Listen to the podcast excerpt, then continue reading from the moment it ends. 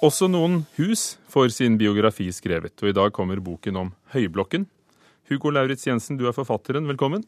Takk for det. Takk. Eh, du forteller ikke bare historien om et hus, men om et sted. Hammersborg, en gang utenfor bymurene i Kristiania.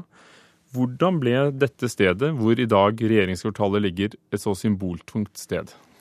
Eh, det ble det fordi at eh, staten bestemte seg etter 1814 for, å, bruke dette stedet til å, til å, virkelig synliggjøre viktige bygg og synliggjøre makt. Eh, det begynte med at de bygget, bygget Ampirkvartal der. Um, som, som Grosch, storarkitekten på første halvdel av 1800-tallet, uh, tegnet. Og så kom, og så kom, og så kom regjerings, regjeringskvartalet og regjeringsbygningene etter, etter, etter, etter hvert. Så, så, så, tomten som, som det, det burde kanskje, Boken burde kanskje hete en, en tomtebiografi. For det er, det, er, historien om tomten som er, som er, som er det spennende utgangspunktet for, for alt som har skjedd der. og ja. Men du har også skrevet historien om en mengde ærgjerrige mennesker som har vært involvert i kampene om denne tomten. Eh, alt fra arkitekt Erling Viksjø, som har tegnet den regjeringsbygningen eh, som Skalla står fortsatt i dag etter terrorhandlingene, eh, til Grosch, som på en eller annen måte klarte å få så å si alle oppdragene med å bygge i Oslo, ikke minst i Ampire-kvartalet, og regjeringssjefer Gerhardsen. Er det ærgjerrighet? Nøye planlegging eller tilfeldigheter som gjør at vi har det regjeringskvartalet vi har? Det er nok et spill av tilfeldigheter, fordi at eh, da, da, da Viksjø vant den første konkurransen om det nye regjeringsbygget i 1939 Um, eller vant ikke, men, han, han, ble en av finalistene som, som fikk være med og, og, og, konkurrere etter krigen. Um, så, så, så, så, ble det sagt allerede den gangen at denne tomten er jo altfor liten for et regjeringskvartal. Det er ikke plass til alt dette her. Ehm, og det var jo heller ikke plass til, til at, at, eh, Rikshospitalet kunne utvide og, og, vokse der. Så Rikshospitalet måtte jo flytte på, på 1880-tallet til, til, til um, hvor det ble bygget nytt. Men, men uh, det var aldri plass. Men noen, jeg vet ikke hvem, for det, det har jeg ikke funnet av, men noen bestemte seg da, i, i, i, sannsynligvis i et departement, at her, her skal de være til evig tid. Og her blir de til evig tid også. Men det er ikke plass. Eh, det begynte jo som eh, noe ganske beskjedent. Statens kontorbygning, som skulle altså løse et ganske akutt problem med kontorplasser eh, rett etter krigen. Det hadde vært en konkurranse rett før krigen, men det ble naturligvis ikke noe av. Og så tok det tid før, bygningen begynte å bygges i 58. Det var en god ting, sa arkitekten selv, at det tok tid. Ja, han, han, fikk jo gjort andre ting i mellomtiden, så, så han, han, han, led jo ingen nød sånn sett. Han fikk jo gjort en del ting i mellomtiden. Men det forandret seg jo kraftig underveis? Men bygget forandret seg. Det ble mindre og mindre, eh, og det ble slankere og slankere.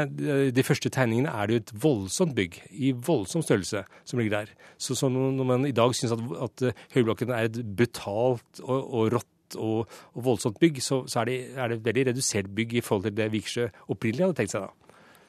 Og så er det ganske mange som omtaler det som forfinet, et, um, et raffinert bygg. Og du går ganske langt på vei å vise hvorfor det er det. Hvorfor har det vært viktig for deg? Jeg, er jo enig, for, for, for at uh, når man uh, etter hvert blir kjent med, med Høyblokken, som man, nesten som om man blir kjent med en person, så, så, så, kom, så kommer det, kommer det um, personlighetstrekk frem som man ikke ser ved første øyekast. Så, så Høyblokken har en veldig eh, poetisk og nesten naturlyrisk side ved seg. Eh, I tillegg til, til å være eh, et, et, utrolig brutalt og stramt og disiplinert bygg på mange måter. Men det er ikke bare det. Det er liksom dobbelt. Det er to sider her. Og så viser du at det er på mange måter typisk norsk. Altså det er en annen modernisme Absolutt. enn den som reiste seg i, New York eller Paris. Absolutt. Det, det har jo ikke noe med, noe med der, uh, disse opphengte glassflatene som man, man fikk i New York. Altså, vi, er, vi, er, ikke der. Vi er ikke, vi er, vi er ikke på, på um, Le, Le Corbusiers uh, funksjonalisme. Vi, uh, Viksjø er i stand til å transformere funksjonalismen og skape noe helt eget av det. Han skaper noe, sitt eget uttrykk ut av dette her. Og, og da tar han i bruk altså eh, småstein fra, fra, fra bekkefar i Hønefoss-traktene for å kle dette bygget. Eh, i tillegg til kunsten, da, men han bruker denne småstein i denne patenterte naturbetongen som han, som han finner ut selv, eh, sammen med en annen eh, ingeniør. Um, så han, han, er i stand til å skape eh, funksjonalismen om til, til noe poetisk og vakkert. Og som vi vet, så fikk han da kunstnere som Carl Nesja, Inger Sitter og Pablo Picasso med på, og ikke Picasso selv, da, men, men de andre, å stå og blåse inn kunstverkene. Når du skriver denne boken, er den et innlegg i debatten eh, som pågår Ja, om å bevare eller rive? Ja, altså en, en, en bok er et veldig, veldig, veldig sakte medium. Det tar lang tid å skrive, det tar lang tid å lese. Um, så, så det er et veldig sakte medium å, å mene ting i. Men det er klart at, at når jeg nå har skrevet en biografi om dette bygget, så, så ligger det vel i sakens natur at jeg mener at eh, det vil være en stor synd å, å rive det. Ja. Samtidig så mener du at den holdningen som fornyingsminister Aasrud har hatt, nemlig å se på det som et hvilket som helst bygg og, og, og gjøre en fornuftig vurdering av hva det ville koste, er nettopp i Høyblokken sånn? Helt riktig. Det er jo det som er forbløffende. At eh, hun står jo i front eh, av det jeg tror er, er Arbeiderpartiets eh, litt pussige standpunkt her.